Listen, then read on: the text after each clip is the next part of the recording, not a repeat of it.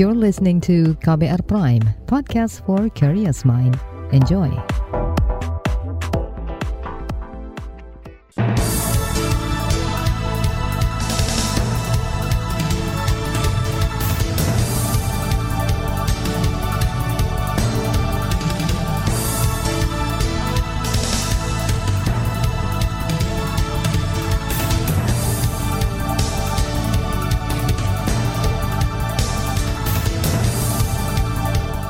Selamat pagi saudara, senang sekali kami bisa menjumpai Anda kembali melalui program Buletin Pagi untuk edisi Selasa 10 Mei 2022 bersama saya Agus Lukman. Sejumlah informasi pilihan telah kami siapkan di antaranya, pemerintah akan menggencarkan pelacakan dan pengetesan COVID-19 selama dua pekan ke depan. Presiden mengingatkan ancaman krisis pangan dan energi.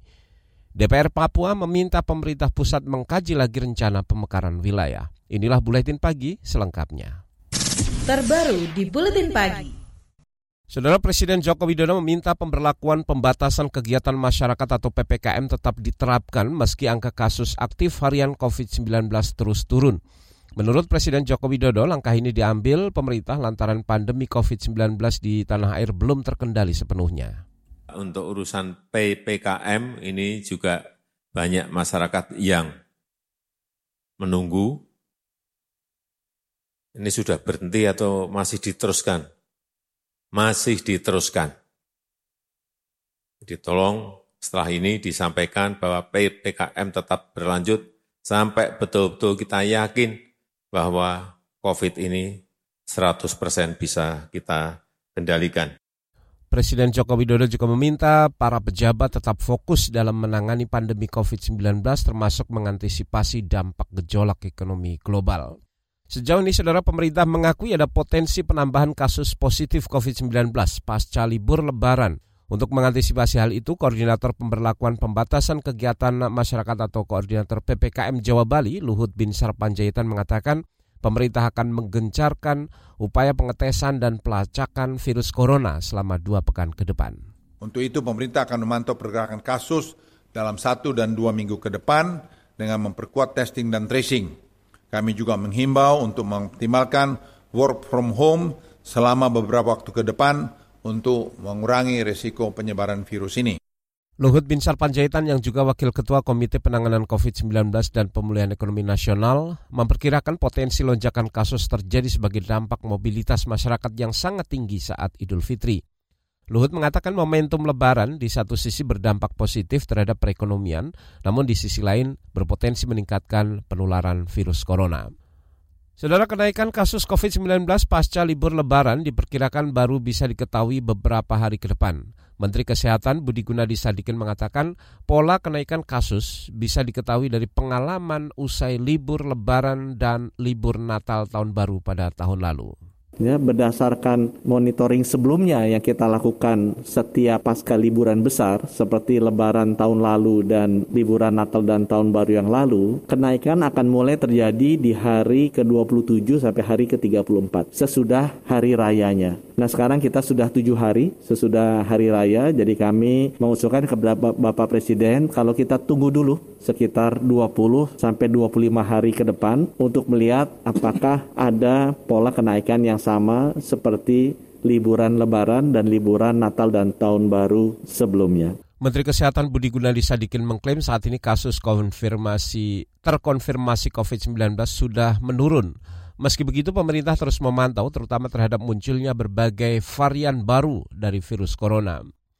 Antisipasi ledakan kasus COVID-19 juga dilakukan Menteri Pendayagunaan Aparatur Negara dan Reformasi Birokrasi Cahyo Kumolo yang meminta para pejabat pembina kepegawaian memastikan aparatur sipil negara yang kembali dari mudik untuk menjalani tes COVID-19 dengan metode usap baik PCR maupun antigen.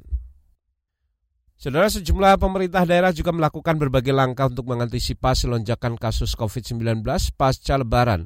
Kepala Dinas Kesehatan Provinsi Bengkulu Herwan Antoni mengatakan langkah antisipasi ini salah satunya dengan vaksinasi COVID-19 secara massal kepada masyarakat. Kan ya, kita sudah hari ke eh, tujuan ini ya, hari ke tujuh ya kita sudah mempersiapkan ya jangan sampai ada tambahan kasus baru karena kasus kita sekarang ini kan nol ya mudah-mudahan lebaran ini harapan kita tidak ada penambahan kasus baru lagi ya tidak ada kasus baru lagi sehingga tidak ada terjadi lonjakan-lonjakan kasus. Ya. Kepala Dinas Kesehatan Provinsi Bengkulu Herwan Antoni mengatakan vaksinasi penting guna melindungi masyarakat dari COVID-19. Apalagi belakangan ini masyarakat di Bengkulu cenderung mengabaikan protokol kesehatan. Sementara saudara kalangan DPR mendorong pemerintah untuk melakukan evaluasi secara menyeluruh mengenai kebijakan-kebijakan penanganan pandemi COVID-19 dan tidak hanya pada saat mudik ataupun arus balik lebaran. Anggota Komisi Bidang Kesehatan DPR Ahmad Handoyo mengatakan evaluasi diperlukan untuk mengantisipasi lonjakan kasus COVID-19 pasca lebaran. Saat ini kita coba evaluasi ketat, pemerintah melakukan satu komunikasi dan evaluasi yang secara ketat, parlemen dengan e, pemerintah untuk melakukan satu evaluasi menyeluruh dalam dua minggu ke depan agar dilakukan satu telaah statistik agar seberapa besar kenaikan, kalau terjadi kenaikan yang signifikan tentu kita dorong agar pemerintah mengambil langkah-langkah yang cepat, mengambil langkah-langkah yang tepat sehingga kita bisa terhindar dari ledakan yang e, semakin naik dan kita juga bisa antisipasi dengan baik dan bisa kita segera kendalikan. Anggota Komisi Bidang Kesehatan DPR Ahmad Handoyo juga mendorong agar fasilitas kesehatan bersiaga dan menyiapkan berbagai fasilitas pemeriksaan jika ada masyarakat yang merasakan gejala COVID-19. Di lain pihak, saudara epidemiolog dari Universitas Griffith Australia, Diki Budiman mendorong pemerintah meningkatkan deteksi dini untuk menghadapi ancaman lonjakan kasus COVID-19 pasca lebaran. Walaupun lonjakan kasus diperkirakan lebih kecil dibanding saat libur lebaran tahun lalu adanya arus mudik dan balik pada masa lebaran ini dengan jumlah pergerakan manusia yang puluhan juta tentu membawa risiko yang besar ya. bahwa ini jauh lebih kecil daripada dua lebaran sebelumnya ya tapi bahwa akan ada potensi peningkatan iya. Prinsip pencegahan itu harus diutamakan. Karena apa pun itu pencegahan menjadi penting untuk meminimalisir dampak Epidemiolog Diki Budiman juga mengingatkan masyarakat agar meningkatkan kepatuhan terhadap protokol kesehatan karena ia memperkirakan ancaman virus corona semakin menguat dengan munculnya subvarian Omikron di dunia. Saudara hingga Senin kemarin kasus positif COVID-19 harian bertambah sekitar 250 kasus. Satgas penanganan COVID-19 mencatat kasus positif aktif turun sekitar seratusan kasus menjadi 6 ribuan kasus. Jika dibandingkan pada tahun lalu kasus virus corona bertambah 112 persen dibandingkan lebaran sebelumnya. Saat itu kasus positif COVID-19 bertambah hingga 12 ribu kasus per hari. Saudara suspek kasus hepatitis akut di Indonesia mencapai belasan orang. Informasi selengkapnya kami hadirkan sesaat lagi. You're listening to KBR Pride, podcast for curious mind. Enjoy!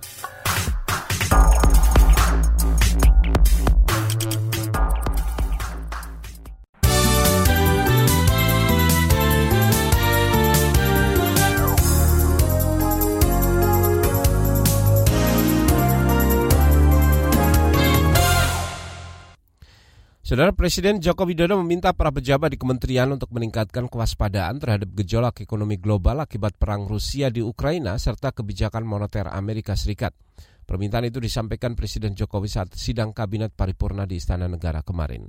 Agar setiap minggu seperti kita lakukan rapat terbatas mengenai PPKM ini juga sama.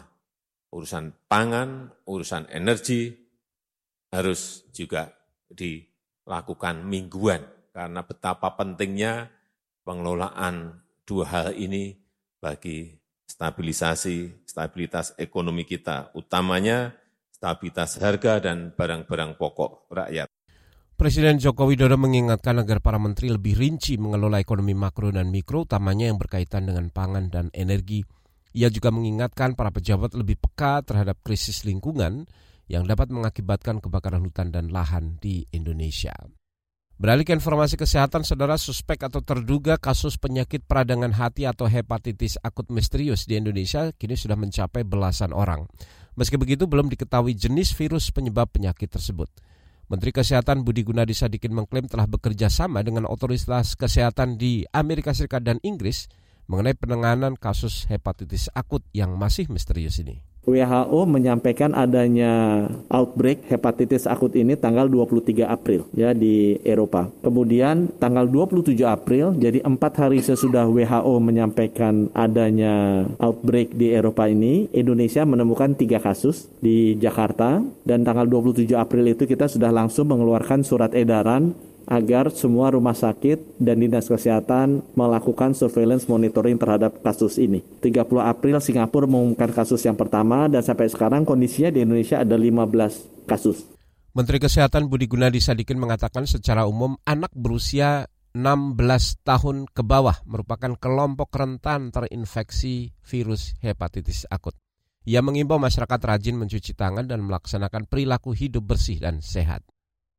Kita ke informasi lain, TNI Angkatan Laut menggagalkan peredaran narkotika jenis kokain sebesar, seberat 170-an kilogram di perairan Selat Sunda.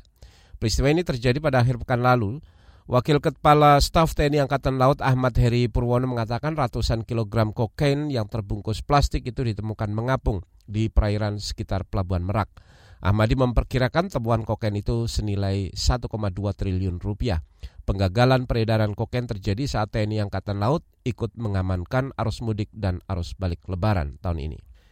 Kita ke informasi ekonomi, Saudara Badan Pusat Statistik BPS mencatat pertumbuhan ekonomi Indonesia sepanjang kuartal 1 tahun ini tumbuh 5,01 persen. Kepala BPS Margo Yuwono mengatakan secara keseluruhan perekonomian Indonesia sudah melampaui kondisi perekonomian pra-COVID atau sebelum COVID-19 atau pada kuartal yang sama tahun 2019 lalu. Pertumbuhan ekonomi Indonesia pada triwulan 1 tahun 2022 bila dibandingkan dengan triwulan 4 tahun 2021 atau secara Q2Q mengalami kontraksi sebesar 0,96 persen. Bila dibandingkan triwulan 1 tahun 2021 atau secara Y on Y, ekonomi Indonesia tumbuh sebesar 5,01 persen. Kepala BPS Margo Yuan mengatakan pertumbuhan ini terjadi karena sejumlah aktivitas ekonomi, terutama sejak pelonggaran diberlakukan. BPS juga mencatat minyak goreng menjadi pemicu terjadinya inflasi sebesar 0,95 persen di April lalu. Andil minyak goreng terhadap inflasi pada April sebesar 0,19 persen. Dan selain minyak goreng, ada BBM, daging ayam ras, tarif angkutan udara dan juga ikan segar juga ikut memacu inflasi pada bulan April. Saudara Badan Meteorologi, Klimatologi, dan Geofisika BMKG memastikan cuaca dan suhu panas terik yang dirasakan masyarakat di sejumlah wilayah di Indonesia pada akhir-akhir ini bukan fenomena gelombang panas atau heatwave.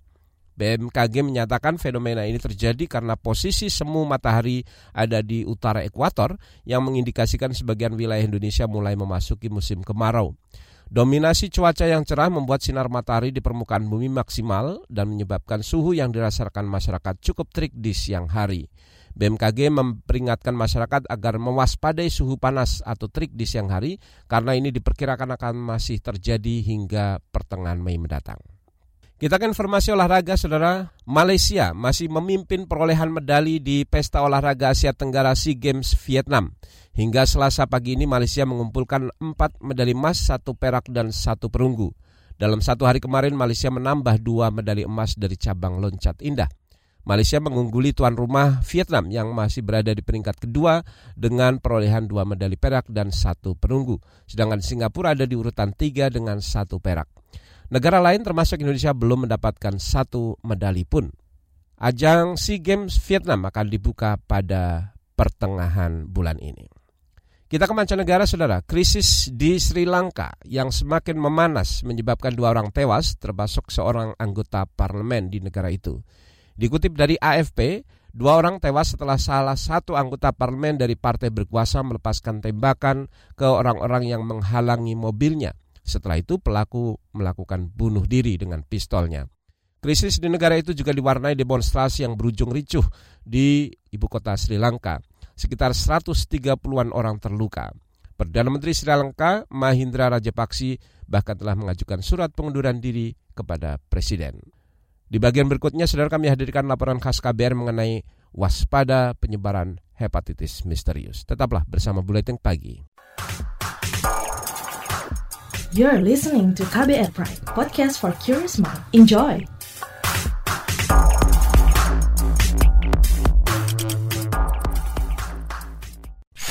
Commercial break. Commercial break.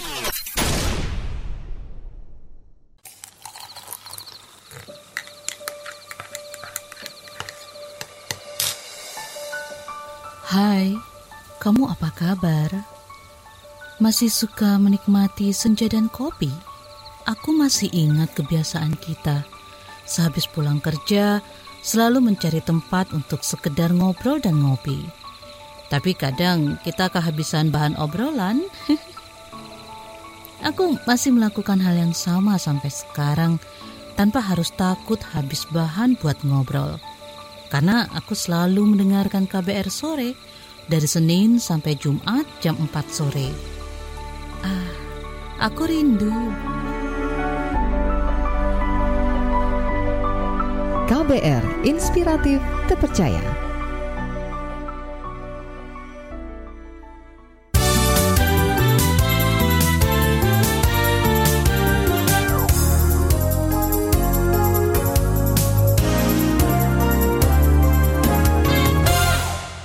Anda masih bersama kami di Buletin Pagi KBR. Saudara Badan Kesehatan Dunia WHO menetapkan hepatitis akut sebagai kejadian luar biasa. Kasus ini bermula dari laporan dari Inggris Raya mengenai temuan 10 hepatitis akut pada anak-anak yang tidak diketahui penyebabnya. Laporan juga bertambah hingga ke belasan negara termasuk Indonesia. Lalu apa upaya pemerintah? Berikut laporan khas KBR yang disusun jurnalis Mutia Kusuma. Sebanyak 15 kasus hepatitis akut telah ditemukan di Indonesia. Penyakit yang masih misterius ini terdeteksi sejak 27 April 2022. Tiga kasus di antaranya terdapat di DKI Jakarta yang menyebabkan mereka meninggal. Menteri Kesehatan Budi Gunadi Sadikin mengatakan telah mengeluarkan surat edaran yang isinya memerintahkan semua rumah sakit dan dinas kesehatan memantau kasus ini. Memang kesimpulannya belum bisa dipastikan virus apa yang 100% menyebabkan adanya penyakit hepatitis akut ini. Ya. Sekarang penelitian sedang dilakukan bersama-sama oleh Indonesia bekerjasama dengan WHO dan juga kita bekerjasama dengan Amerika dan Inggris untuk bisa mendeteksi secara cepat penyebab penyakit ini apa. Ya kemungkinan besar adalah adenovirus strain 41.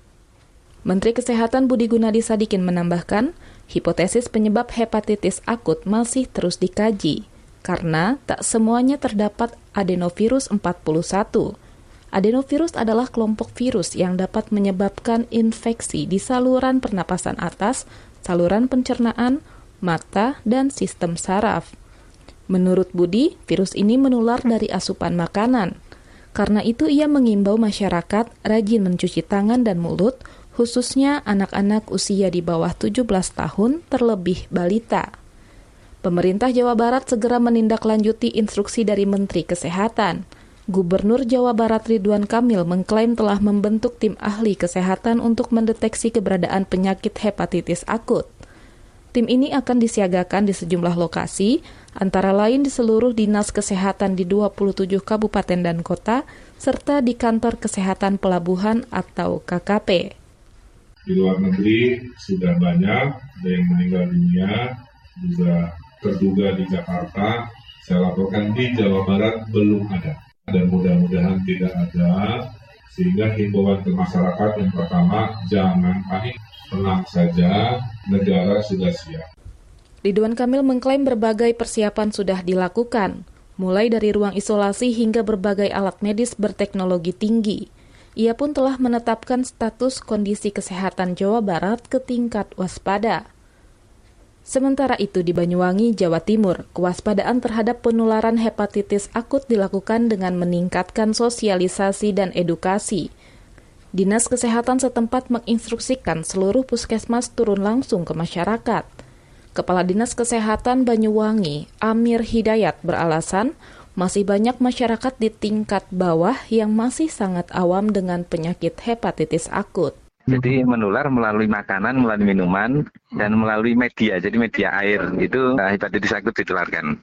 Kita minta terutama kepada camat, kepada hmm. kepala desa, kepada lurah, dan kepala pimpinan fasilitas pelayanan kesehatan untuk meneruskan informasi secara tertulis. Kepala Dinas Kesehatan Banyuwangi, Amir Hidayat, menambahkan, pasien yang terinfeksi hepatitis akut bakal menunjukkan gejala mirip kasus positif COVID-19. Pembedanya adalah penyakit hepatitis akut disertai perubahan warna kekuningan pada kulit, mata, dan membran mukosa. Selain itu juga ada gatal pada kulit.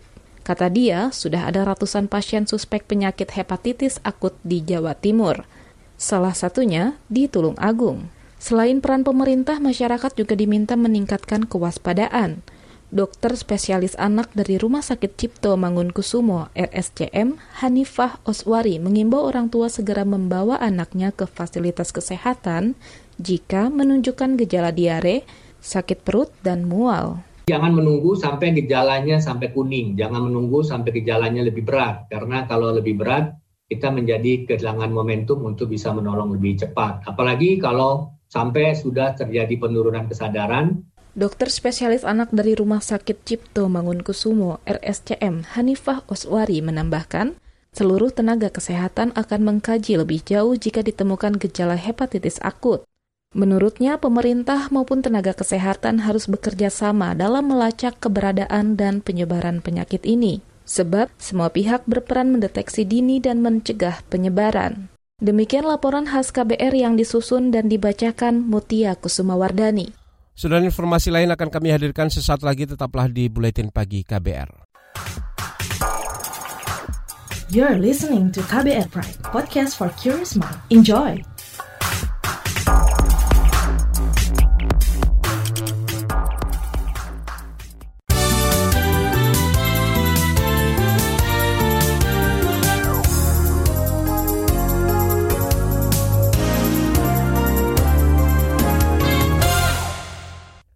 Anda berada di bagian akhir buletin pagi KBR, saudara kita menuju ke Papua.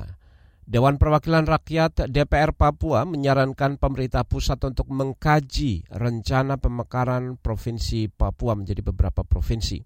Anggota Komisi Bidang Pemerintahan dan HAM di DPR Papua, Laurentius yang mengatakan, saat ini sikap warga terbelah antara kelompok yang pro dan kontra pemekaran. Menurutnya rencana pemekaran itu bisa memicu konflik horizontal di antara warga jika terus dipaksakan. Pak Presiden Pak Menko Polhukam harus melihat ini. Pemerintah pusat harus membentuk lembaga independen, uh, survei independen itu dari Komnas HAM dari LIPI itu perlu supaya semua itu jelas. Anggota DPR Papua Laurentius Kadepa menambahkan aspirasi warga yang pro dan kontra pemekaran telah disampaikan ke Badan Legislasi DPR pertengahan April lalu. Sebelumnya, saudara semua fraksi di Badan Legislasi DPR setuju terhadap perancangan undang-undang tentang pembentukan tiga provinsi baru di Papua, yaitu Provinsi Papua Selatan, Papua Tengah, dan Papua Pegunungan Tengah. Kita ke Jawa Timur, saudara DPRD Provinsi Jawa Timur meminta kepolisian mengusut atau memproses hukum kasus ambrolnya wahana seluncuran di kolam renang Kenjeran Park, Surabaya pada akhir pekan lalu. Anggota Komisi Bidang Kesejahteraan Rakyat DPRD Jawa Timur, Hadi Dediansyah, meminta pemerintah Provinsi Jawa Timur mengoreksi peristiwa itu, terutama terkait dengan pembinaan dan pengawasan destinasi wisata sisi pengusaha juga harus bertanggung jawab atas keselamatannya. Jadi dalam hal ini baik penegak hukum maupun pengusaha yang terkait harus bertanggung jawab. Hukum pun harus bertindak. Itu tadi anggota Komisi Bidang Kesejahteraan Rakyat DPRD Jawa Timur Hadi Dediansah. Pada akhir pekan lalu, saudara seluncuran di kolam renang Kenjeran Park, Surabaya, Jawa Timur ambrol dan akibatnya 16 anak meluncur ke tanah dan terluka. Empat di antaranya kini masih dirawat, dirawat di rumah sakit Dr. Sutomo karena patah tulang. Kita ke Provinsi Maluku, saudara pemerintah kota Ambon mencatat sekitar 98 persen aparatur sipil negara hadir di hari pertama kerja pasca libur lebaran kemarin. Kepala Badan Kepegawaian dan Pengembangan Sumber Daya Manusia Kota Ambon, Beni Selano mengatakan hanya 2 persen dari total hampir 5.000 ASN yang tidak hadir mengikuti apel perdana. Yang tidak mengikuti apel ada alasan tertentu. Alasannya adalah ada cuti melahirkan, kemudian pernah ada sakit. Sedangkan yang tanpa alasan sama sekali tidak. Nah itu yang bersyukur bahwa di hari pertama pasca libur bersama dan cuti bersama dan libur Hari Raya Idul Fitri, nah ternyata bahwa pemerintah kota ASN-nya melakukan apa yang menjadi perintah daripada Menteri Perdagangan Negara dan Reformasi Birokrasi. Kepala BKP SDM Kota Ambon, Beni Silano, juga akan memberikan sanksi kepada aparatur sipil negara yang tidak jujur dan menggunakan alasan sakit dari pertama dinas usai libur lebaran tahun ini. Informasi tadi saudara menutup jumpa kita di Buletin Pagi hari ini. Pantau terus informasi terbaru melalui kabar baru, kbr.id, Twitter di akun berita KBR, serta podcast di alamat kbrprime.id. Akhirnya saya Agus Lukman bersama tim yang bertugas kami undur diri. Salam.